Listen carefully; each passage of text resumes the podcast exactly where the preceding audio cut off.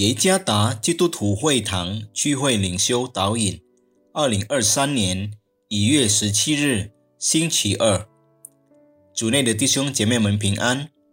今天的领袖导引，我们要借着圣经哥林多后书十章十五到十八节来思想今天的主题，在主里夸口。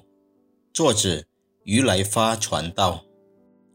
哥林多后书十章十五到十八节，我们不仗着别人所劳碌的分外夸口，但指望你们信心增长的时候，所量给我们的界限，就可以因着你们更加开展，得以将福音传到你们以外的地方，并不是在别人界限之内。借着他现成的是夸口，但夸口的当指着。主夸口，因为蒙悦纳的不是自己称许的，乃是主所称许的。通常我们会因某一个人的成就和优点而称赞他，但我们曾否夸赞自己？我们是否曾经为自己的本事、成就或者自己的勤奋工作而感到自豪？自豪通常被认为与骄傲是同一性的。其实两者是有分别的。自豪是在我们成功的做某件事之后而产生的一种积极的感觉。自豪可以激励我们用正面的态度去发挥自己有更好的性格，但自豪也需要按照圣经的真理，以正确的观念去理解。保罗很严厉地说：“但夸口的。”当指责主夸口，夸口也可以解释为自负的态度。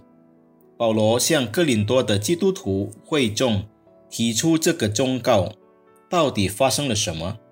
那时，哥林多的教会必须面对假师傅。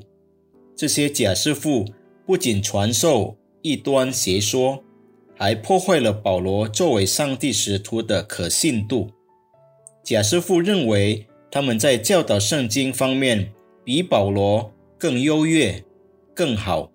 他们自负地称赞自己是成功建立教会的群主。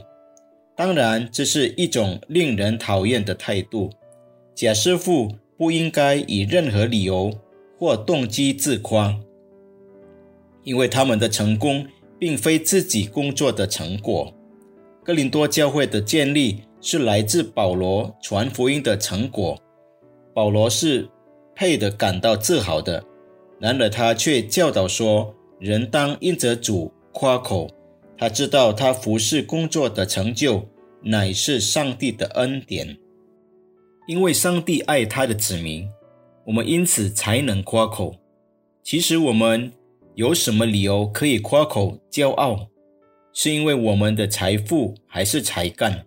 是因为在工作和服饰上取得成就，是因为灵命的成长，善于讲解圣经，我们可以自豪，但不要忘记上帝。在自豪中，我们必须荣耀神的名。在主里夸口，需要有谦卑的态度，认识自己的有限。离了主，我们便不能做什么。当我们愿意谦卑地承认我们所有的成就，都是来自上帝的恩典时，这对我们有什么影响呢？哥林多后书十章十八节经上说：“因为蒙悦纳的不是自己称许的，乃是主所称许的。”在主里夸口需要有谦卑的态度，认识自己的有限，这样才能得到主的称许。愿上帝赐福弟兄姐妹们。